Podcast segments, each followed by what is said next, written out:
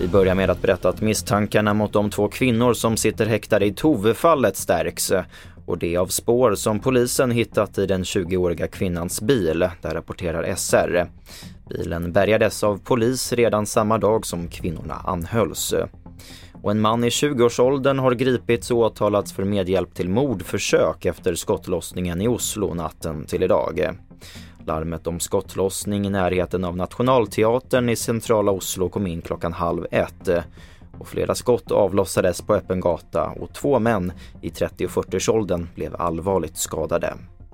Och till sist att notan för skadade polisfordon ökar igen.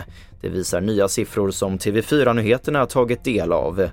Förra året slutade räkningen på över 90 miljoner kronor och det är det medvetna sabotaget som ökar mest.